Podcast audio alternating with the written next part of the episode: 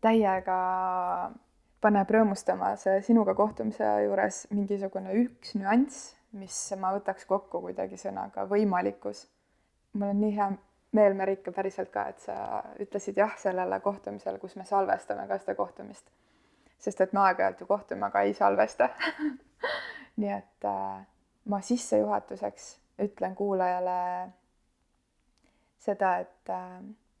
et mina ja Merike saime tuttavaks, võin öelda, on ju, kuidas? muidugi, absoluutselt saime tuttavaks äh, EBS-is koos äh, executive coaching ut õppides, aga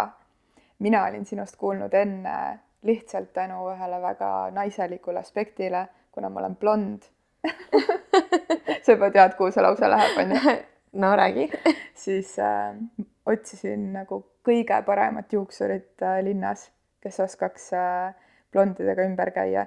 ja siis tuli mulle mingi kümme soovitust, millest umbes üheksa olid sina, nii et äh, täna siin sinuga salvestades tahaks öelda, et, et ma kohtun võib-olla, et mu vestluspartner oled sina kui coach või sina kui juuksur või sina kui ettevõtja, aga tegelikult me ei tea, kes sa oled. nii et esmalt aitäh, et sa võtsid vastu selle väljakutse tulla ja teisalt tere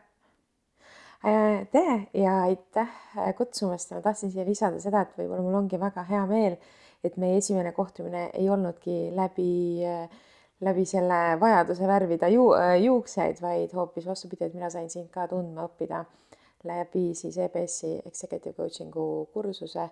kus, kus võib-olla sa eristusid minu meelest kohe esimesest hetkest, kui sa suu lahti tegid ja ütlesid eh, selle tervitava lause, et mina olen selline nagu mm, orav rattas kogu aeg, aga see sinu selline rahu oli alati nii, et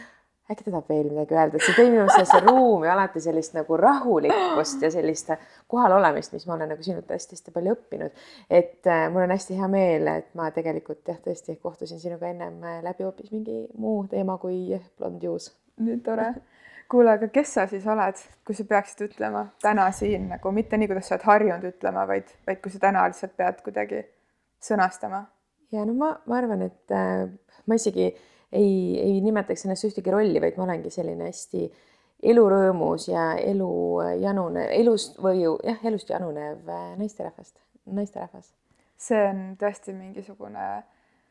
sõnapaar, mis äh, viimane kord ka, kui me kohtusime,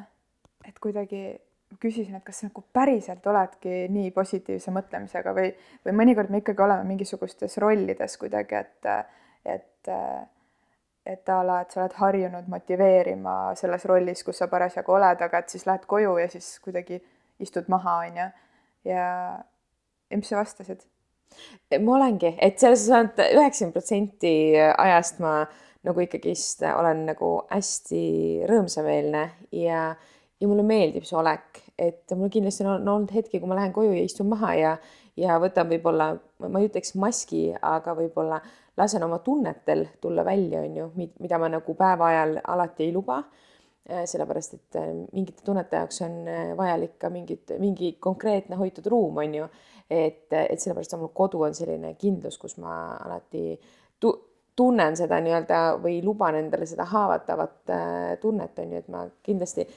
mul on selline kokkuvõtmisoskus, aga, aga ka nende tunnete taga on alati elurõõmus ja positiivne inimene et see tähendabki seda, et kui sa kakskümmend neli seitse äh, oled rõõmus, et, et sul ei ole neid emotsioone, emotsioonid ikka on. Ja see on okei. Okay.. mis see teekond tänaseni on, kust sa tuled, kas äh,, ma isegi ei tea, kas sa oled Tallinnas üles kasvanud või, või kust, kust sa tuled, kas sa mäletad sellist ennast, nagu sa praegu oled juba mm. lapsepõlvest saadik?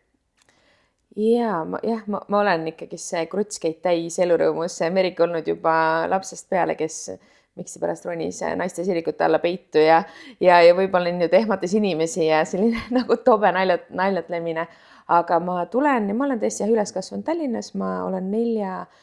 äh, neljalapselisest perest teine laps ehk mul on vanem õde, äh, noorem vend ja siis kõige noorem õde, et meil on selline hästi toimekas, töökas ema, kes on siis äh, aastaste vahedega Äh, saanud omale siis äh, kolm last, siis väikse pausi ja kümme aastat hiljem siis on pesamuna. ehk me olemegi siis niimoodi, täna me oleme siis äh, kolmkümmend kuus, kolmkümmend viis, kolmkümmend neli ja siis tuleb meil äh, kümme aastat äh, hiljem ja kakskümmend kuus on siis kõige väiksem. et ma tulen Tallinnast ja olen olnud jah, küsimusele vastates siis täpselt sama elurõõmus väiksest peale alates. no kuna esimene info, mis mul sinu kohta tuli, oli lihtsalt, et see on nagu kõige parem juuksur linnas, kes oskab äh, blondi juust töödelda, onju. ja vahet ei ole, kas meid kuulavad praegu mehed või naised, siis, äh, siis lihtsalt äh, see on mingit sorti keemia, millega tuleb natuke teistmoodi, nutikamalt läheneda, kui, kui võib-olla lihtsalt, lihtsalt juuksur kuidagi midagi tegemas. mis see sind üldse sinnani viis, et minna õppima juuksuriks? Äh, juuksed on siis olnud tegelikult minu lapsepõlve kirg ehk ma mäletan seda esimest äh, assotsiatsiooni, kui ma astusin siis vanaema juures Kohtla-Nõmmel juuksurisalongi ja see lõhn, see keemilise roki lõhn, mis, mis täna võib-olla enam nii palju ei eruta kui toona, aga šampoonid, palsamid ja kõik see selline äh, keemiline kombinatsioon seal õhus siis tekitas minus kohe sellise tunde, et nagu appi, ma tahan ka osa saada sellest Äh, sellest äh, keskkonnast ja kui ma astusin sinna sisse, mul olid pikad juuksed ja ja mulle vanaema andis siis toona raha kaasa ja ütles, et mine siis lõika omal juukseid. ma astusin sisse selle vanaema antud rahaga ja küsisin, et milline lõikus kõige kauem aega võtab, et veeta seal võite ise arvata, milline lõikus see oli, et poisipea võttis kõige kauem, siis ma seisin seal, ütlesin, no sel juhul ma tahan poisipead ja sealt oligi minu esimene ja viimane poisipea kogemus. aga, aga see oli igat seda veedetud aega seal väärt, et see emotsioon on mul hästi soojalt tänaseni sees. Vau, nii äge. nii, aga sealt edasi? Äh, sealt edasi äh, noh, meil on nii, et äh, me mingil eluperioodil ei julge ise võtta vastu otsuseid ja, ja, ja kuuletume oma vanematele ja minu, minu ema siis kindel soov oli see, et mina pean minema ülikooli, et, et nui neljaks ülikooli paber on vajalik ja sealt edasi võid vaadata, mida sa tahad teha. Äh, nii ma siis äh, sellise väga sõnakuuleliku lapsena läksin ülikooli anglistikat õppima, ehk siis see oli see ka selline äh, tõlgiks õppimine oli siis minu ka võib-olla huvi ja mida rohkem ma selle teemaga kokku puutusin, seda rohkem sain aru, et ma mitte mingil juhul seda tööd tegema ei taha hakata, et mind erutas sünkroontõlkimine. Ja väga kiiresti ma sain aru, et see ei ole ikka see, see eriala, mille, millega ma tahaksin leiba lauale tuua. Ja ja, ja siis ma kohtusin oma lapse isaga ülikooli perioodil on ju ja ütleme niimoodi, et sealt äh, jäin ma tegelikult ka beebiootele mis siis mingil hetkel võtsin vastu otsuse, et ma, võib-olla see oli ka selline hea vabandus äh, võtta see äh, aasta vabaks, on ju, et tegelikult selle aasta vabaks äh, ülikoolist võtmisega ma juba teadsin, et seda eriala ma enam sinna õppima ei lähe, aga see mittejulgus öelda oma emale siis, et ma ei soovi seda teha, et see ei ole minu valik, et ma seda ei taha, et olla selline väike võib-olla hea lapse sündroomiga tüdruk, kes siis leiab teisi lahendusi, kuidas sealt ära hiilida ja, ja, ja sealt paralleelselt ma siis äh, läksin tööle restorani ja see ülikooli ülikooli selline teekäik jäigi poolikuks ja, ja no ja sealt juba edasi mul sündis enneaegne laps ja ta sündis nii sügavalt enneaegsena, et siis mul siis lihtsalt kõik ülejäänud mured olidki nagu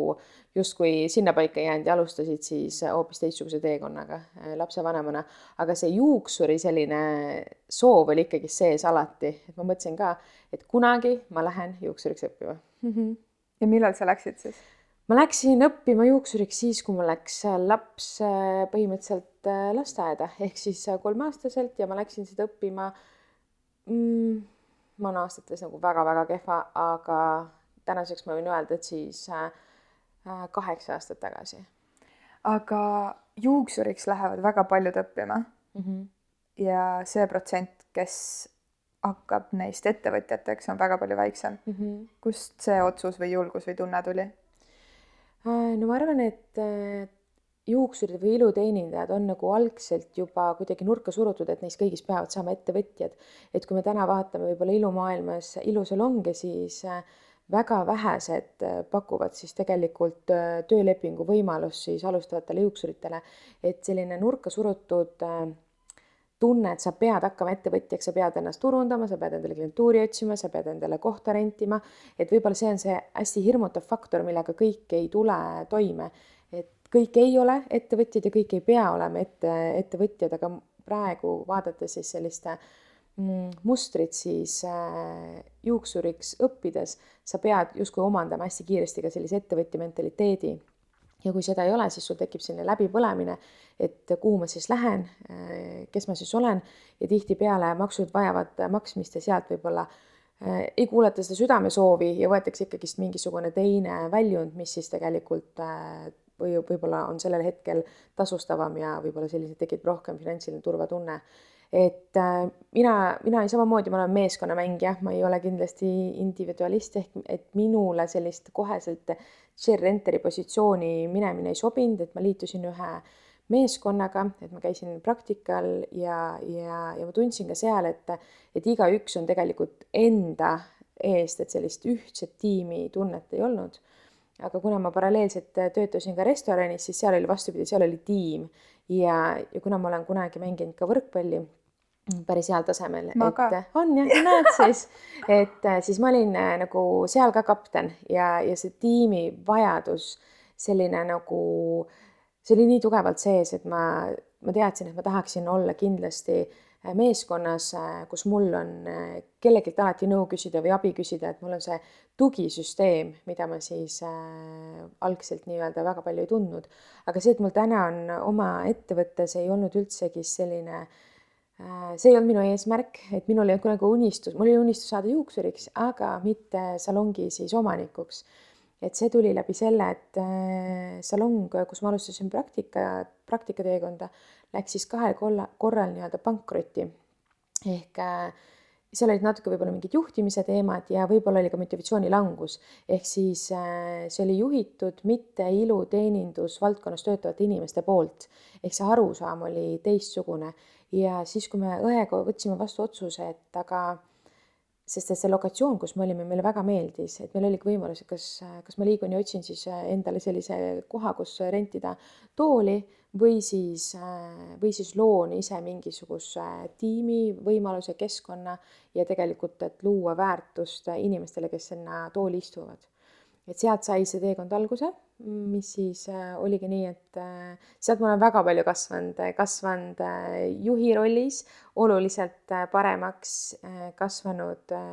tehniliselt, et parim õpetamise viis on või parim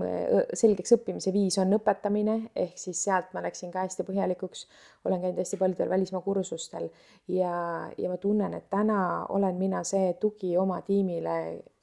kellest mina ise puudust tundsin et, et sealt see areng sai alguse ja, ja nüüd me olemegi täna siin, kus, kus me alustasime põhimõtteliselt õega kahekesti ja täna on meil siis selline selja taga kahekümneliikmeline tiim. nii äge. kas võib öelda, et sa armastad oma tööd? ma jumaldan ja et selles suhtes küll. kuna enam seda nii-öelda seda loki, loki lõhnalist lõhna, ma ei teagi, mis aine see oli, mis toona seda mm -hmm. keemilise loki lõhna tegi, aga kuna enamasti seda enam ei ole salongi astudes ja sa oled nii palju kasvanud ja muutunud, et siis peab olema midagi muud, mida sa armastad selle mm -hmm. töö mhm. juures mm. -hmm. mis see on? Äh, no tänaseks võib-olla see on ka üks põhjus, miks ma läksin coach, äh, coach'iks õppima, aga tänaseks ongi need, et, et minu jaoks on ka juuksed juba nii-öelda teisejärguline ehk siis tegelikult mind erutavad kõige rohkem need lood, mis jõuavad minu tooli. et äh, selline kvaliteetne juukse värvimine on äh, selline lisaboonus, aga päris väärtus on tegelikult need vestlused, mis, äh, mis toimuvad siis juuksuri ja siis kliendi vahel. ma räägin sulle ühe väikse loo mm. -hmm. see on minu sõbranna, kes käis sinu juures juuksuris ja on mm -hmm. nüüd käinud paar korda ja ta tuli minu juurde teadmata, et ma olen ka sinu juures juuksuris käinud ja et me oleme koos õppinud. ütles, et tead, Elina, ma sain mingi sellise kogemuse osaliseks, et ma ei oska isegi kirjeldada, et mul tuleb nutumaitse suhu, kui ma mõtlen selle peale. et ähm, käisin Merikese juures ja, ja ma ei saa aru, kuidas see võimalik on, et ta nagu temaga on päriselt nii huvitav juttu rääkida, et ta päriselt kuulab ja ta päriselt küsib ja, ja lihtsalt ükskõik, kes teine vajas abi, siis ta päriselt aitas kõiki, kes ümberringi olid ja siis ta täitis veel mu soove ja hoolitses mu eest ja kuna ta on lastega kodus, siis äh, ta ilmselgelt vajab ka gramm rohkem hoolitsust kui võib-olla keegi teine, kes seda endale ajaliselt saab rohkem lubada. aga ta oli nagu täiesti niisugune nagu pisar silmil, rääkis mulle sellest kogemusest ja siis äh, ma sain öelda, et jaa, ma tean teda, et ta ongi selline. Nii et selline tagasiside sinu tööst, mul oli nii hea meel seda kuulda ja see tõesti vastab tõele. nii äge, et, et see nagu, see ongi võib-olla selline kõige suurem töövõit, et see tunne, mida mina tahan luua, siis see on tegelikult kellelgi ka tekkinud, on ju. et see ei ole lihtsalt mõte minu peas, mida ma tahan, vaid läbi mingite tööriistade, mida me oleme sinuga omandanud ja tegelikult läbi isikuomaduste ja hetkes olemise on tegelikult see, miks need asjad on nagu võimalikud, et see teadlikkus äh, nagu enda tegevuste taga võimaldab siis äh, sellist kasvu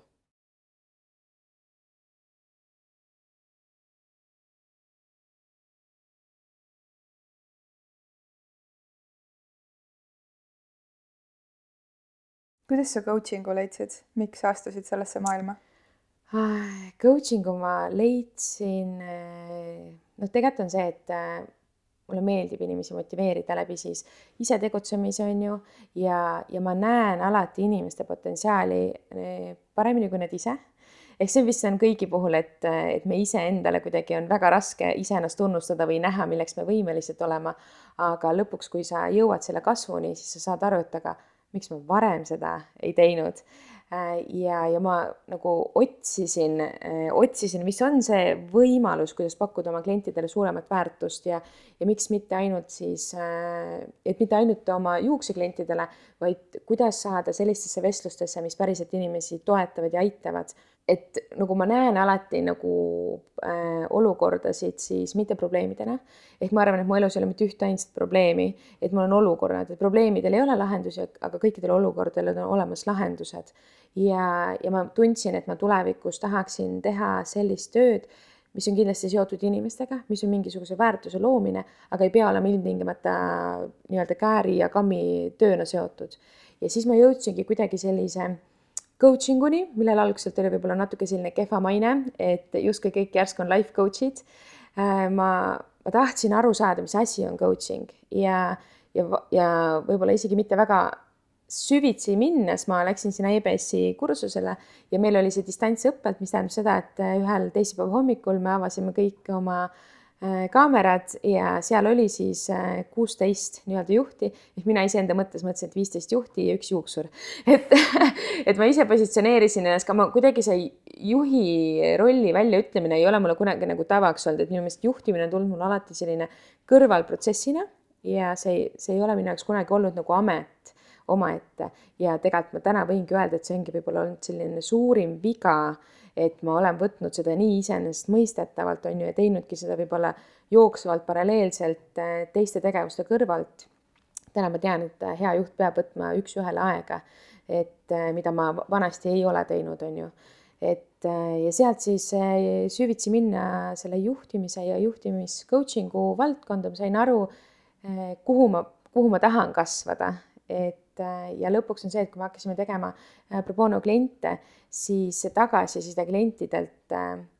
oligi hästi südant äh, soojendav ja liigutav ja, ja täna samamoodi, et kui nad ära lähevad, nad ütlevad, et nad on tiivust tõstetud, et neil on see eneseusk ja et, et mingisugune tegevusplaan ja mingisugused tegevused. ja minu eesmärk on see, ei ole see, et keegi jääks sellest teenusest sõltuvusse, vaid vastupidi, et peale teatud perioodi on neil tööriistad, kuidas ise mõtestada lahti mingisuguseid asju ja näha näha võib-olla teise, teise nurga pealt üldse ja lahendada olukordi siis võib-olla teisiti, kui nad on täna teinud. kuna meil siin sarjas ei ole coaching ust sellisel moel juttu olnud mm -hmm. ja ma ka ise ei ole seda nii-öelda avanud, siis äh, ma lasen seda teha sinul mm, -hmm. et lihtsalt neile, kes kuulavad mm -hmm. ja ei mhm. tea, mis coaching on mm, -hmm. et, et lihtsalt ma ei tea, mõne lausega kirjeldada, sest et äh, mult ka ikkagi väga tihti küsitakse, et mis see siis ikkagi on, et kõik on ju coach'id on ju mm. -hmm no mina näen seda, noh muidugi äh, öeldakse, et äh, mentori coach'i vahe on see, et mentor on hästi spetsiifilises valdkonnas ja tegelikult ka õpetussõnu äh, edasi andev mentor on ju, siis coach on see, et coach ei pea olema pädev mitte üheski sellises valdkonnas, et kõik inimesed võivad minna mm, coach'i juurde ja coach võib tegelikult coach ida nii-öelda kõiki inimesi, kui see selline keemia nende vahel toimub. Coaching minu jaoks on siis tegelikult hetke, hetkeolukordade ja ja võib-olla mõtte ja mõtestamise töötamine, mis tähendab seda, et inimese teadlikkuse tõstmine äh,, hästi suur osa on sellel peegeldamine, et inimene ise kuuleks oma mõtteid, et need mõtted ei jääks meie pähe kinni, vaid et me tegelikult ütleksime need välja, sest et kogemus on näidanud, et kui need mõtted tulevad valjult äh, keskkonda ja, ja coach'i ise neid kuula, kuuleb, siis ta neli korda ühte lauset parandab ja ta ütleb, et ei, see ei ole see, mis ma tahtsin öelda või see ei ole see, mis ma mõtlesin. et tegelikult iseenda mõtte väljaütlemine ja selline konkreetsesse lause form-, äh, formuleerimine on äh, üllatavalt äh, raske, et see mõte, see, mis peas, vastaks sellele, mis ta on välja öelnud. et võib-olla see ongi see selline mõtestamine ja olukordadele teisiti vaatamine. kui palju sinu eraelu ja muidu suhtlus on muutunud pärast coaching'u õppimist? ma arvan tohutult, äh, ütleme nii, et enne coaching'u õpinguid olime abielus, äh, pärast coaching'u õpingu, õpinguid see abielu kahjuks ei jäänud pidama, et see on juba selline nagu selline julgus, ma arvan, et selle läbi coaching'u tekib sul see julgus öelda välja neid asju, millega sa muidu oled leppinud, et, et läbi selle protsessi, selle kasvamise on need ma tean täpselt, millega ma enam ei lepi, et, et selline leppimine on alati nagu fataalne, et üks asi on, et sa lepid mingi olukorraga, teine asi on see, et sa aktsepteerid seda. et täna ma olen hakanud rohkem asju aktsepteerima, vähem leppima ja sealt siis äh, tegutsenud vastavalt äh, iseenda tunnetele. aga kui sa mõtled äh, vestluste sisu peale? vestluste sisu peale jaa, ma olen väga palju rohkem läinud kuulaja rolli see tegelikult oli minu poolt suunatud küsimus, sest et äh, ma enda poolt olen nii tohutult märganud seda, et mul on olnud varem hästi palju inimesi, kes tahavad minu nõu kuulda. ja, ja ma kuidagi olengi, kuna ma olen kogu aeg niisugune mõtleja või nagu filosoof olnud, on ju, et siis kuidagi neid mõtisklusi on nii tore jagada ja pärast coaching'u õpet on ikkagi täpselt seesama, et kuulamine on läinud kuidagi teravamaks ja ikkagi see koht, kus sa muidu võib-olla varem oleks lahenduse pakkunud, siis sa küsid neid õigeid küsimusi ja lased mm -hmm. neil tulla lahenduste peale mm. -hmm. aga see on, ma näen, et see on tulnud koju üle nii lapsega suhtlemisel kui nagu sõpradega suhtlemisel mm. -hmm. on sul, on sinuga ka nii mm? -hmm. et kui ma praegu mõtlen äh, sellele olukorrale, siis just eile oli samamoodi, oli mingisugune olukord lapsel koolis ja, ja kui ma nägin, kuidas võib-olla õpetajad selle lahendasid, ehk nad tegelikult lahendasid selle laste eest ise ära et lihtsalt öeldes, et sa pead tegema nii ja sina ei tohi teha nii. et äh, siis oli selline esimene kord, kus ma võtsin telefonitoru ja helistasin õpetajale, lihtsalt ütlesin nagu küsisin, et kuidas veel saaks neid olukordi lahendada nii, et nemad ise tulevad selle peale ja sellest äh, kõnest oli selline hästi äh, väga selline sisukas ja tähendusrikas vestlus õpetajaga, ma arvan, mis kestis üle poole tunni. ehk tegelikult äh, see, see ei olnud üldse mitte kuidagi süüdistav, vaid tegelikult nagu mõista, et kõigil on tegelikult hääl ja see hääl võiks kõigil kõlada, et meie peaksime oskama seda lihtsalt õigel ajal kuulata. kuna sa ise praegu ütlesid siin äh, avalikult, äh, et, äh, et sa olid abielus mm -hmm. ja, ja nii-öelda enam ei ole, siis ja meie podcast'i nimi on armastusest ja mm -hmm. ma mhm. tõesti alati ütlen, et, et armastus ei tähenda seda, et me räägime ainult äh, nagu mingi südamedaamidest või, või kuskil nagu äh, hobustega härrasmeestest, on ju, siis äh, kui tihti sa kasutad oma elus sõna armastus? kui ma küsisin sult, kas sa armastad oma tööd, sa ütlesid mm, -hmm. et ma jumaldan seda kui palju ma kasutan oma elus sõna armastus mm? -hmm. või millises kontekstis äh,? ma arvan, et äh, ma arvan, lapsega suheldes on võib-olla see sõna kõige aktuaalsem äh, selles suhtes, et neid tegevusi, mida ma teen, aga see ongi, et see armastusel on nii palju tahkusid, on ju, et, et sõna armastus, ma, ma arvan, ma kasutan päris tihti, on ju, et mis keegi selle armastuse taga näeb või tunneb, on juba omaette küsimus, aga võib-olla selline tunne, mis minul tekib sõnaga seoses armastus, võib-olla viimasel ajal on kõige tihedamini olnud siis oma lapsega ja siis oma perega, et meil on perega ka nii-öelda kasvame üha enam äh, rohkem kokku ja kokku. meil on see küsimus alati ka sees, et äh, mis on sinu esimene mälestus seoses armastusega, kui sa mõtled selle peale mm,? see on ka hea küsimus, mis on minu esimene mälestus seoses armastusega?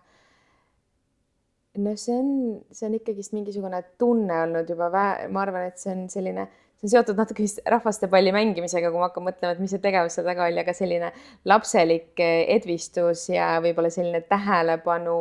äh, ootamine. meil oli selline poistekamp ja seal tüdrukute kamp ja siis me ronisime üle aia, mängisime rahvastepalli ehk siis armastus, armastus selles hetkes oli ikkagist mingi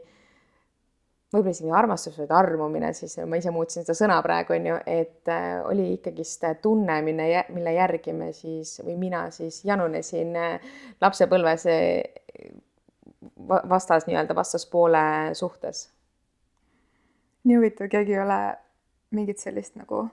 mängu vist kunagi vastusesse toonud mm., konkreetset mängu.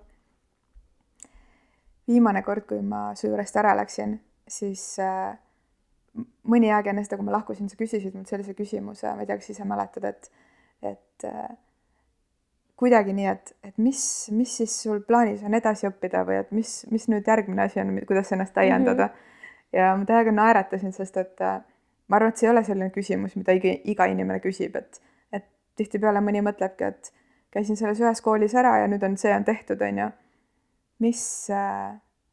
mis sa ise mõtled selles osas, et äh, et mida see enese täiendamine sinu jaoks tähendab või, või kas sa näed juba midagi uut, mida sa tahaksid kuidagi omandada, liita oma praeguste teadmistega mm,? ma ja ma näen hästi palju asju äh, et mida ma tahaksin tulevikus teha, mis on see nagu, mis on see väärtus, et läbi selle ka, mis kliendid minuni täna jõuavad, siis hästi palju on ka sealt, et coach ei ole terapeut, et me ei ole tegelikult ka psühholoogid, et see tagasiside, mis ma olen saanud, et ma olen leidnud endale psühholoogi, on algselt mind natukene ehmatanud, et kas ma olen võtnud kellegi vale rolli ja toonud mingisuguseid teemasid, mida ma võib-olla ei ole pädev lahendama. ja kui ma palusin äh, sel-, selgitada, kust tuleb see tunne, et ta on käinud psühholoogi juures, siis, äh, siis klient ütleski, et ta nagu sai lihtsalt rääkida ja keegi ei andnud talle hinnanguid. et äh, et selline hinnangute vabas keskkonnas iseenda avamine ja selline haavatuse näitamine on võib-olla selline kõige suurem kasvamise koht meile kõigile. Äh, mina ise tunnen, et mina enesearengu mõttes tahan kindlasti liikuda sellise coaching'u vallas edasi. Eestis ta võib-olla ei ole veel, ta kogub populaarsust, on ju, ja inimesed võib-olla saavad rohkem teadlikumaks. aga mind, mind ennast väga huvitab äh, ikkagist minna siis Londonisse äh, advanced äh, kursusele ja tegelikult ka sellised gestaltmeetodite süvaõppimine, ehk siis mingil hetkel ma tahaksin minna ka psühholoogiat õppima ja ma ei ütle, et ma nüüd äh, psühholoogiks otseselt tahan saada, sest ma arvan, mingisugune selline inimestega suhtlemise ja sellise turvatunde loomise oskus on mul täna olemas. et äh, võib-olla sellise psühholoogiliste traumade tegelemise ma jätaks ikkagist äh, professionaalidele, aga et mõista eelkõige iseennast, oma otsuseid ja seejärel läbi selle ka pakkuda sellist äh, paremat äh, küsimise ja juurdlemise oskust ka oma klientidele. ehk siis psühholoogia on üks see valdkond ja teine on siis ikkagist coaching advance kursus siis Londonis. kui sa mõtled kuidagi tagasi, siis mis selle taga on, et, et sa kuidagi tahad teisi aidata või et sa tahad nagu luua sellist ruumi, kus inimesed õpiksid ennast rohkem tundma või, või kuidagi kasvaksid või, või kuidagi see elurõõmu peegeldamine mm., kust see tuleb?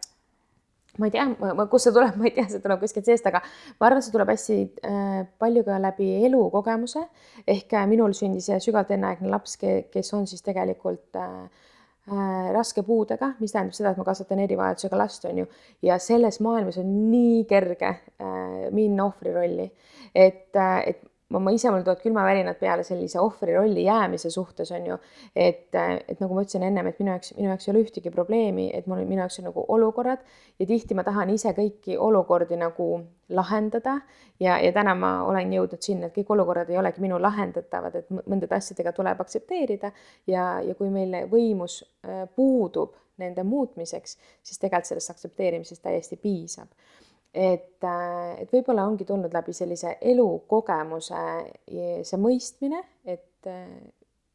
ja võib-olla selline elurõõm, et osata olla tegelikult tänulik. no täiesti tavaliste võib-olla, mis meie jaoks on tavaliste, aga tavaliste eriliste asjade üle, näiteks üleeile ma lihtsalt, ma olin eufoorias, et ma sain kolm söögi, sooja söögikorda kodus süüa, siis mõtlesin, et issand, kas need inimesed, kes saavad iga päev süüa sooja toitu kodus, kas nad tunnevad samasugust nagu õnnetunnet. muidu ma olen kogu aeg lennus ja karpide peal kuskil on ju, et sellised väikesed, väikesed rõõmud ja, ja märkamised tulevad läbi, ma arvan, sellise sellise hingevalu, mis ma olen läbi teinud nii-öelda selle kogu lapse kasvatamise ja temaga koos kasvamise kõrvalt, et et mul on alati nii, et kui keegi räägib oma sellisest situatsioonist ja siis mul ongi, et aga mis on juba hästi, et me kõik keskendume väga palju nendele asjadele, mida ei ole, mis ei ole hästi või mis, mis on halvasti, on ju, et korraks sõnastada ja küsida enda käest, aga mis minu elus on tegelikult juba väga hästi. Ja ma tahan uskuda, et meil kõigil tuleb see list pikem kui see, mis, mis võiks olla veel paremini inimestel on hästi suurelt ja trükitähtedega ja rasvaselt kirjutatud see, aga kuidas, kuidas ma aktsepteerin või kuidas ma siis,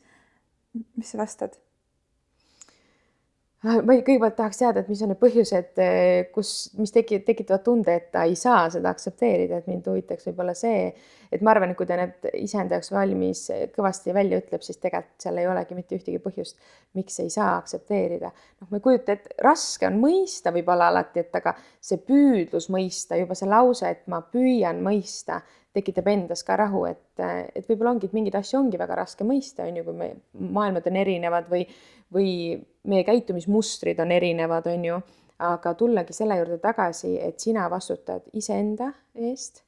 ja, ja kõik seda, mis, mis justkui ei ole sinu pädevuses äh, muuta või mis ei ole sinu võimuses, siis äh, sellega tegelikult äh, ei peakski enda energiat kulutama, et lihtsalt aktsepteerida mingisuguseid olukordi, öeldagi välja oma tunded, mis sellega tekivad, et selline suhtlus on meil mm, nõrk üleüldises mõttes, et või isegi natukene pinnapealne, et kui minna selle suhtlusega sügavamale, siis ma arvan, tulevad väga väga võimsaid emotsioone ja väga võimsaid mõistmisi, arusaami ja kui sa selle mõtte välja ütled koos nende tunnetega, mis sinu seest tulevad, siis tegelikult saabub ka mingis mõttes rahu, isegi nendel olukordadel, kus sina muuta mitte midagi ei saa. kas sul coaching'u õppimise juures käis mingisugune totaalne ahaa, kus nagu mingi kindla mõtte või mustri või, või mingisuguse koha ahaa, mis mis pani sind tegutsema teistmoodi või muutis? ma arvan, et selles hetkes neid ahhaasid oli päris palju, mis on tänaseks minu jaoks on täiesti no, nii-öelda eh, nüüd juba mõtlemata käitumismustri muutus, ma, kui ma hakkan tagasi mõtlema, et mulle tundus, et peale igat seda sessiooni ma olin parem inimene, see on nagu nii naljakas, aga peale igat sellist eh, kursusega kohtumist ja mooduli läbivõtmist ma tundsin, kuidas ma lähen eh, oma lähedaste või äh, või sõprade või töö juurde või klientide juurde, et ja ma olen reaalselt nagu parem inimene. Äh, just nagu sa ütlesid, läbi selle, et äh, ma võib-olla küsin mingeid küsimusi ja tegelikult mind huvitavad need vastused. et täna ma ei küsi ühtegi küsimust, mille, mille vastus mind ei huvita, et see on võib-olla see üks äh, taipamine. teine taipamine, mis mul tekkiski, on ka see, et tegelikult mul ei ole ühtegi probleemi. et mul on olukorrad ja olukordadel on tendents laheneda et kuidas need lahenevad, see on juba teine teekond, aga võib-olla ise mõtestada lahti, et äh, ma tulin, võib-olla ütlesin, mul on nii palju probleeme või miskit, siis ma sain aru, et kursuse lõpus mul ei olnudki ühtegi probleemi, et mul olid lihtsalt olukorrad, äh, mida mina sain ise lahendada vastavalt oma teadlikkusele. milline inimene sa oled, kui on äh, siis olukord, kas sa pigem oled see, kes hakkab nagu askeldama ja lükkama mingis suunas seda või sul on ka mahti kuidagi anda aega sellele settida? see oleneb täiesti olukordadest, et kui on mingi selline olukord, mis, millest sõltub äh, lähipäevadel midagi, siis ma hakkan kohe askeldama. kui on olukord, need on nii erinevad, et üks on lihtsalt, et noh, näiteks selline, kui ma ütlesin alg-, algselt, et ma olen leppinud, et mul on erivajadusega laps, siis täna mul on see leppimine asendunud, et ma aktsepteerin, aga ma ei lepi, et täna ma teen kõik selleks, et tema elu oleks täisväärtuslik ja ta saaks nii-öelda hakkama äh, ka peale minu siit võib-olla ilmast lahkumist. et äh, et selle koha pealt on, et on olukord on nii erinevad, aga ma alati kipun mõtestama läbi ja leidma lahendused. Äh, ma panen ära võib-olla ka ajaperioodi, mis ajaks see olukord peaks olema lahenema, sest siis ta, siis ta tuleb mu peast välja. Ehk et kui mul on esmaspäeval mingisugune tekkinud olukord, millele ma pean reedeks andma vastuse, siis ma ütlen, et ma tegelen sellega neljapäeval ja teisipäev, kolmapäeval ma sellest üldse ei mõtle. et kui ma olen pannud omale mingisuguse sellise äh, kuupäeva paika, millal ma tegelen, siis tegelikult see valge müra mind ei väsita teisipäeval ja kolmapäeval ja ma tulen selle juurde neljapäeval tagasi. et, äh, et selline võib-olla mõtestamine, et mitte kanda, kaasas kanda igapäevaselt seda valget müra ja kohustusi, kõigil on kohustused, on ju, ja jah, meil kõigil on väga palju kohustusi, et äh, miks osad on rahulikumad ja miks osad on nagu rööprähklevad äh, oravad kuskil rattas, on ju, et, et mis see erinevus on, et kuidas ühed mõtlevad, kuidas teised mõtlevad ja lõpuks on, kes päeva lõpus suudab siis need olukorrad enda kasuks äh, niimoodi lahendada, et see rahu tekib sisse. mis see võti on, et sa suudad, see näide, mis sa tõid, et äh, täna on esmaspäev ja reedeks on vaja lahendust ja sa tõstad selle ülesande lahendamise neljapäevale. mis see saladus on, kuidas sa saad, et sa teisipäev ja kolmapäev selle peale ei mõtle, ma arvan, et väga paljudel inimestel on see keeruline ma ei tea, kas nad on seda teinud, kui nad ütlevad, et see on keeruline, et võib-olla esmaspäeval, ma ei tea, võiksime võtta mingisuguse lihtsalt mingi fakti siia, et ma ei tea, et äh, on ära saata vaja võib-olla mingisugune meil, et äh, kas siis ma ei tea, ütleme nii, et keegi tahab töölt ära minna, tal on vaja see töölt lahkumise avaldus anda reedeks, on ju, ja see on see mõte, mis teda kogu aeg närib ja närib, ehk te, kuidas ma annan, millal ma annan. Äh, kui sa nüüd esmaspäeval näiteks paned endale paika, et Äh, neljapäeva õhtul kella viiest kella seitsmeni ma kirjutan selle ära ja siis äh, reede hommikul ma klikin sinna send nupule ja saadan selle ära, on ju. siis kui sa selle tegevusplaani endale tegelikult läbi mõtestad ja kirja paned, siis minu meelest automaatselt sellega kaob ära see koormus mõelda sellele teisipäeval ja kolmapäeval et minu puhul ta toimib, ma ei tea, et ma ise mõtlen ka, et ükskõik noh, mul on noh, näiteks selline asi nagu äh, lapse puude pikendamine, mis on selline kogu aeg, et ta peaks kogu aeg olema ära tehtud, et ma pean, et ma ei tohi seda aega maha magada, on ju. ja nüüd oligi, et ma panin kirja, et see, et selle täidan ma seal Sotsiaalkindlustusameti lehel äh, sellel kuupäeval ja, ja panen teele siis äh, sama päeva õhtul. ja pärast seda nagu mõtestamist mul kadus igasugune selline valge müra seoses selle teemaga. ma tean, tuleb see päev, ma tegelen sellega. et võib-olla öeldagi, kui see mõte tuleb, et sinu aeg on broneeritud, sinu aeg tuleb, et hetkel ei ole sinu aeg ja lasta sel mõttel liikuda sinna, kus ta tuli. nii huvitav, sa kasutad seda väljendit valge müra, mina kasutan ilmselt sama asja kirjeldamiseks sõna roosa müra mm, -hmm. see tuleb sellest äh, minu teletaustast, et äh, kui telekas, kui sa mäletad, kunagi nii-öelda kineskoop telekas sahises mm, -hmm. siis seda nimetati roosaks müraks. sa ütlesid, et äh, kui me kohtusime ja kirjeldasid kuidagi ennast ja mind selle esmamulje põhjal, sa ütlesid, et sa oled orav rattas ja et ma olin kuidagi hästi rahulik mm, -hmm. siis kas see orav rattas sinus jookseb selles rattas praegu kuidagi teistmoodi või jookseb samamoodi nagu, nagu sellel hetkel kursuse alguses? Äh, kindlasti teist teisiti, ta küll, ta, ta küll jookseb, aga ta jookseb äh, hoopis teistmoodi, ma mäletan kuidagi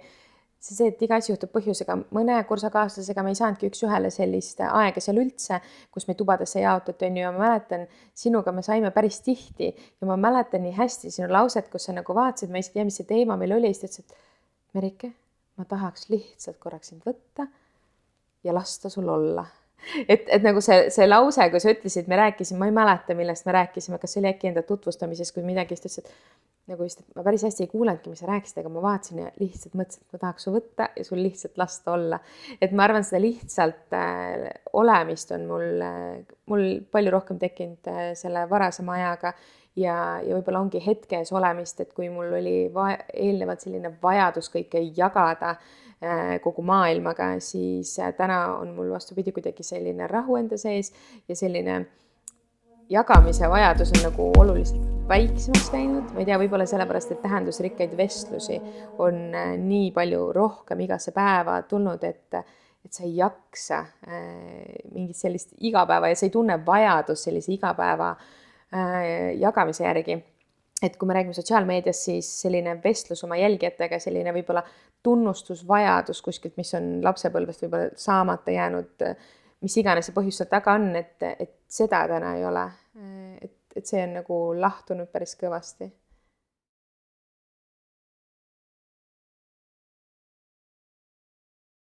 ma väga tihti ei tunne mingisuguseid süümepiinu, sest et ma püüan oma elu elada nii, et neid ei tekiks. ja see on niisugune naljakas väike, väike süümepiina võbin alati, kui ma mõtlen, et, et ma tahaksin sinu elust aega. et ükskõik, kas see on siis juuksuritooli tulles või näiteks tänagi, sest et ma olengi aru saanud, et su tunnid on nagu nii loetud. milline su tavaline päev üldse välja näeb, kui nii saab öelda? No see, et äh, me kõigi tunnid on loetud kokkuvõttes on ju, et elu on nullsumma mäng, et äh, täna ma lihtsalt jagan neid äh,, seda, jagan seda aega valitud inimestega. ehk siis, et minule sellised kohtumised on hästi tähendusrikkad, et et, äh, et ma pean sellest kohtumisest äh, iseenda karikat saama täidetud. et kui seda karika täitmist ei ole, siis ma paraku mingile üritusele ei jõua. ja see ei ole mitte kuidagi kriitika kellegi vastu, vaid lihtsalt see on see eneseteadlikkus, et et kui ma tahan tulla, ma tahan olla päriselt seal kohal, et kui ma tulen lihtsalt tulemise mõttes, siis sellest tulemisest ei saa mitte keegi äh, ja kaasa arvatud mina aga kui sa küsid, et milline minu tavapärane päev, siis minu tavapärane päev on see, et märkan hommikul ülesse. ideaalses päevas ma jõuan teha hommikul ühe väikse jalutusringi eh, Kadrioru pargis, siis eh, tulen koju tagasi ja hakkab eh, hommikusöögi tegemine, lapse äratamine, kooli sättimine, siis põhimõtteliselt kuskil kell kolmveerand kaheksa ma jõuan tema ära viia ja kaheksa viisteist, olenevalt, mis kell mul klient on, et kui on varem, siis ta läheb ise, aga siis ma liigun salongi ja siis kaheksast kuskil, vanasti oli see, et eh, vanasti töötunde nagu valetati suuremaks, on ju, nüüd on vastupidi, et töötunnid tahaks lihtsalt valetada väiksemaks, sest kui ma selle kõva häälega välja ütlen, siis ma juba saan aru, et, et seda kõike on liiga palju, aga, aga kaheksast eh, kaheksani kuskil mind eh, salongist võib leida mis tähendab seda, et äh, peale kooli lapse huviringid ja tegevused siis on ära korraldatud nii, et keegi viib ja keegi toob ja, ja meie siis nii-öelda kohtume äh, pärast tööpäeva, kus me siis mõtestame lahti päeva, äh, vaatame järgmiseks päevaks tegevusi ja, ja põhimõtteliselt alus, al-, alustan kas mingi söögi tegemisega järgmiseks päevaks ja, ja põhimõtteliselt ideaalis jõuaksin lugeda, et väga palju, väga palju ma ei jõua teha. aga nädalavahetused on need, kus on meil perega jalutamised, mis on minu jaoks nagu hästi tähtsad, et kui ma esmaspäevast reedeni äh, tegutsen siis äh, kas salongis äh, tiimiga, coach imistega, siis, siis nädalavahetus on see, kus ma täidan oma karikat niimoodi, et ma võtan selle kahetunnise jalutuskäigu näiteks oma vennaga ja, ja need ongi hästi-hästi olulised eh, minu jaoks ja, ja võib-olla me üksteise karikaid täidame. et eh, see on see koht, kus eh, mina ei ole enam ainult kuulaja rollis, vaid, vaid ka sellise rääkija, rääkija rollis ja tema samamoodi saab, saab rääkida, sest tema muidu on personaaltreener ja tema on ka tavaliselt kuulaja rollis. et siis see on see koht, kus me tegelikult käime mõtted läbi, peegeldame, mõtestame, mõtestame oma peremustreid, kust me tuleme, eh, mis me kaasa oleme võtnud, mida me täna muuta tahaksime eh, ja nii edasi, nii edasi. sa ütlesid enne, et eh, teie pere kasvab aina rohkem kokku mm. -hmm. ma arvan, et mind teeks nii palju õnnelikumaks, kui ma kuuleks kõikide inimeste suust seda lauset mm. -hmm. kuidas, kuidas te kokku kasvate, anna meile retsept kõigile, kuidas no, rohkem kokku kasvada. ma nägin eile, et sa olid äh, iglusaunas olnud, on ju mm, -hmm. ja tuleb välja, et me olime kõrval iglu, iglusaunas ah.. et äh, ja meil oligi selline nagu mm, ema, meil on isa varakult ära surnud ja see rollide võtmine on nagu peredünaamikas on läinud nii valeks, et mina olen võtnud mingil hetkel isa rolli, tahtnud olla nii-öelda mitte enam emale tütar, vaid emale kaaslane, siis äh, minu õde võib-olla, kes ei ole nii avatud, hoiab mingeid asju endasse, et võib-olla eile, kui me istusime seal maha ja oligi see oli selline hästi emotsionaalne õhtu, kus me kõik rääkisime, kes kuidas tunneb, kes kuidas äh, nii-öelda millist, millised ootused üksteisel on, et, et me olime nagu nii haavatavad ja ma ise muutun praegu emotsionaalseks, aga, aga see oli selline nagu hästi vajalik väljaütlemine, et nagu, mis on sinu ootused sinu õdedele, vendadele, emale ja nii edasi. Kuidas peresiseselt äh, kokku kasvada rohkem, kui, kui osad on vestlusteks valmis, aga teised ei ole? Äh, nüüd ongi see, et kas, kas nad ei ole või nad ei oska. Et äh, tihtipeale on see, et me ütleme, et me ei ole valmis, aga ometigi me rääkida tahame, aga me ei oska. et meil tuli ka tegelikult välja, äh, et nagu ema oli ka, mis ta nagu ütleski sellise lause, et ma tahaks toetada, aga ma ei oska. ja selle peale, kui ta ütles, et ta ei oska, hakkasid kõik lapsed nagu nutma, on ju, et, et see muutis emotsionaalseks ja siis me ütlesime, et meil oligi vaja ainult seda, et sa tahad, aga sa ei oska et tänapäeval nagu seda välja öelda, et ma ei oska, on nii raske, et me justkui peame kõiki asju oskama. aga kuidas kasvada rohkem kokku, on see, et olla üdini ausad iseenda vastu, et neid asju, mida ei, mida ei oska, aga tahaks, võiks välja öelda. et ise ei pea kõike oskama, et on olemas ka imehead pereterapeudid, et meie eilse sellise vestlusega jõudsimegi sellisele järeldusele, et me kõik väga tahaksimegi minna pereteraapiasse kõik koos, et, et ajad on muutunud, et kuidas, sest me saame väga hästi läbi, aga, aga seda lähedust tahaks veel rohkem, et kui on rasked ajad, et me ei peida ennast, vaid me tulemegi nii-öelda oma mm, raskete teemadega siis päriselt ka pere keskelt äh, üksteise juurde, on ju, et me kuskil ei kao ära mingil hetkel, sest et minu, minu muster on ka, et kui läheb raskeks, ma korraks tõmbun endasse, kogun ja siis ma tunnen välja, et ma saan ise hakkama, aga nagu ei pea ise hakkama saama, täpselt see, mida ma coaching us ka nagu välja toon või tähendab isegi mina ei too välja, vaid tuuakse välja läbi mingite mõttes, mõtet, mõtestuste, et tegelikult ma ju ei pea kõigega ise hakkama saama ja kui see taipamine tuleb, siis tuleb ka natuke nagu see avatus, et mul on inimesed, kelle jaoks ma tähendan ja nad on valmis mu jaoks seal olema. siin sarjas, podcast Armastuse sarjas me oleme läbi mitmete salvestuste kuidagi käsitlenud seda teemat või, või kuidagi jõudnud selleni, et, et laias laastus meie nii-öelda vanemad ja vanavanemad tulevad äh, mingis mõttes ajast, kus, kus oli lihtsam olla emotsionaalselt surnud. Äh, ja väga paljud ei oskagi oma tunnetest äh, rääkida. mis sa arvad, mis see võti on, et et meie vanemad või vanavanemad saaksid rääkima või, või kuidagi nagu julgeks või oskaks või kuidas me saame neid toetada selles? Hmm. noh, ma mõtlen, suhtlemisel on ka, et kui nemad ei ole valmis, siis on okei okay, ka see vestlus ka ühepoolselt eh, sinna lauda tuua.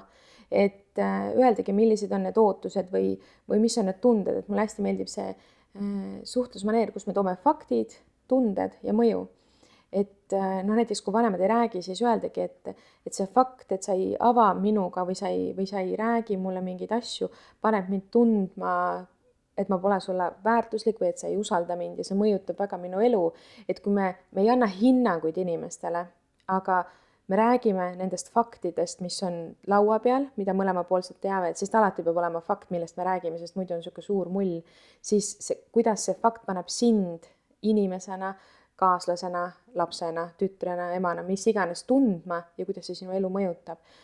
ja läbi selle teadlikkuse teisel poolel tekib ka mingi tunne. Ja kui sa ütled, et, et mul on väga oluline, et ma saaksin praegu teada, mis on sinu sees, mis on need tunded, mis sind valdavad, et, et, et me võiksime neid koos siis kas mõtestada. Ja alati on ka, et kui sa tunned, et sina ei ole väga hea vestluskaaslane, siis minnagi äh, teraapiasse ja ollagi sellises ruumis, kus professionaal hoiab seda ruumi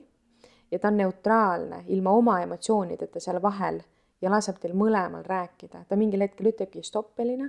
mida Merike tahtis öelda, stopp, Merike, mida Elina sellega, et see, et kui sa ise ei oska peegeldada ja meil noh, minul ka pere keskel ja vennal jääb tööriistadest puudu, sest me oleme nii emotsionaalselt seotud selle teemaga, et on vaja neutraalset inimest kõrvale, kes oskaks suunata. ja, ja selline abi palumine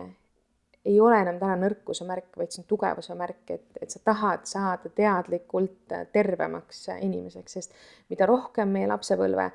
mured, teemad meie sees on, seda kõveram on see story, mida meie iseendale räägime versus sellega, mis on see story teise peas. ja kui need story'd ei saa õigel ajal lahendatud, siis meil ei ole mitte kunagi seda võimalust kuulata seda story't teise, teiselt poolt. et äh, ma arvan, et see võti on see, et, et otsi professionaalselt abi. aga kui on pered, kus äh, pool kampa või üks kolmandik kampa või kaks kolmandikku, vahet ei ole, on nõus kokku tulema, aga, aga, aga keegi ei ole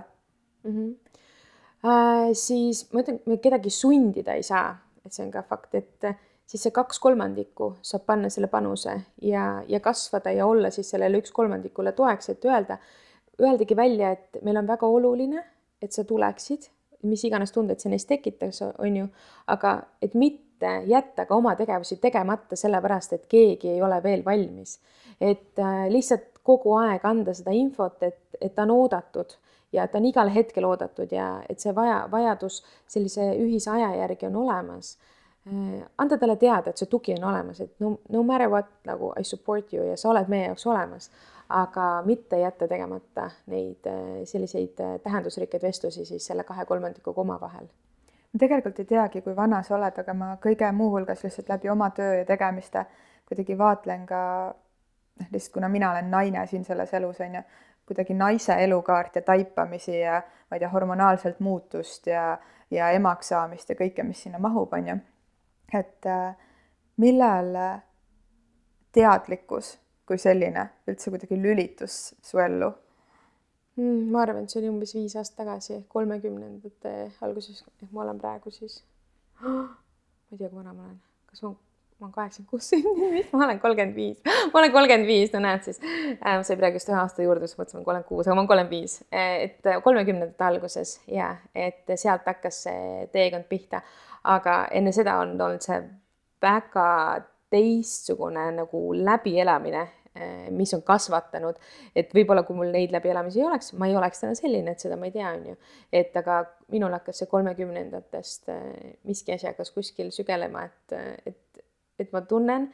et minul iseendal on oma elu üle kontrolli, tegelikult ma saan seda läbi oma hea enesetunde, ma saan pakkuda ka teistele seda tuge. Mis, äh, mis sa arvad, kas see kuidagi naise elus, see kolmekümnendate midagi seal algus, kas see on üleüldiselt see, kus me kõik muutume või kui sa vaatad oma tutvuskonnas või, või oma töötajaid või, või kliente, et, et kas see teadlikkus lülitub rohkem juurde sellest vanusest või, või see ei sõltu tegelikult vanusest? Mm, ma ei tea, kas ta nüüd otseselt vanusest sõltub, aga kui sa niimoodi selle lause formuleerisid, siis minu ümber on kahekümnendates äh, noored, kelle suurim hirm on saada kolmekümnendatesse, siis, siis on inimese elu läbi ja ta on vana siis tegelikult ma arvan, et tegelikult võib-olla ikkagist iga kümnendiga me saame kulbikese kogemusi ja võib-olla sellist elutarkust. mitte kõik aga ma arvan, et iga kümnendikuga oleme meie äh, võrreldes eelmise kümnendikuga ikkagist kasvanud. et see kasv ei ole võib-olla kõigi suhtes lineaarne, aga see on, mina neljakümnendates olen parem kui kolmekümnendates ja mina kolmekümnendates olen parem inimene kui kahekümnendates. et ma arvan, et see on iga inimese selline personaalne kasv, mis võib tulla küll, et kolmekümnendatesse taipamine muutub. et aga selleks on vaja kolmekümnendatesse jõuda, et, et E, ma võin öelda, et kolmekümnendad on ägedad, äh, kahekümnesed vaatad mul tööl vastu, et mis asja sa ajad? Et see ongi see, et äh, see on äge, et kui sa oledki selles hetkes, kus sa praegu oled, siis olegi iseenda parim versioon ja kui sa tead, mida sul vaja on, siis küsi seda ja, ja otsi seda nii-öelda. Enese, eneseotsingud kestavad läbi elu, on ju, aga kui sa kunagi, nagu mulle ütleb vend, ka tunneli poole liigud, siis sul jääb see tunne sisse, et ma olen, ma olen kõik teinud selleks, et olla õnnelik. et lõpuks on see, et õnnelikkus ja tasakaal on see, mida me taga ajame. mis sind õnnelikuks teeb? mind teeb õnnelikuks, äh, võib-olla ongi mind, mind iseenda õnnelikkus teeb mind õnnelikuks ja, ja veel tegelikult lähedaste inimeste selline õnnelik olek. ja, ja võib-olla õnnelikuks teevad ka tähendusrikkad suhted, et ma ei taha lihtsalt pinnapealseid suhteid, aga ma tahan päriselt selliseid tähendusrikkaid äh, suhteid ja neid ei saagi väga palju olla, on ju, sest et tegelikult need nõuavad aega ähm,. siia lõppu nüüd teen ühe asja, äh, mis, äh, mida ma laenan meie ühelt kursavennalt, kes äh, eksami ajal tegi mulle nii-öelda selle väljakutse või mõtte ja, ja see mõte, ma, ma ei ole selle peale mõelnud, see tekkis mul praegu, kui sa ütlesid, et iga kümnendiga me kuidagi kasvame. ehk et kümne aasta pärast Merike mm,. kui ta nüüd äh, helistab tänasele Merikesele, mis ta, mis ta ütleb? ma arvan, et ütleks, et issand, kui äge, et sa oled sellele teele teele läinud ja, ja ma väga ootan sind kümne aasta pärast et ma arvan, et ta tunneb uhkust, et ma ise tunnen, et see, et see kasvamine, et see on kuidagi nagu, see kasvamine on väga vajalik, et jääda vaimselt terveks, et noh, see on see koht, kus ma tunnen ja ma arvan, et äh, kümne aasta pärast noh, ütleme, ütleme viiekümnendatel lähenev Merike vist on äh, uhke selle teekonna üle, mis ta on läbi teinud. Ja, ja võib-olla ongi see, see väärtus, mida ta teistele loob, teeb teda ka äh, õnnelikuks. aitäh sulle. aitäh kutsumast. mul kuidagi nii mõnus tunne sinu peale mõeldes. sa tõesti, tõesti inspireerid mind ja ja ma tean, et väga paljusid teisi ka ja kuidagi nii äge on see, et, et mingid erinevad aspektid saavad kokku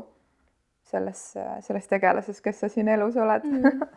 ja mina ka tänan tegelikult üldse seda EBS-i, et, et sina sellel kursusel olid ja et meie teed on ristunud. ja, ja see, kuidas sina oled õpetanud äh,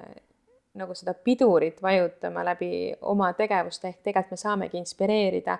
läbi selle, mida me ise teeme, on ju, mitte mida me räägime, vaid mida me tegelikult teeme ja praktiseerime. et äh, ma räägin ka, et iga kord, kui ma sinuga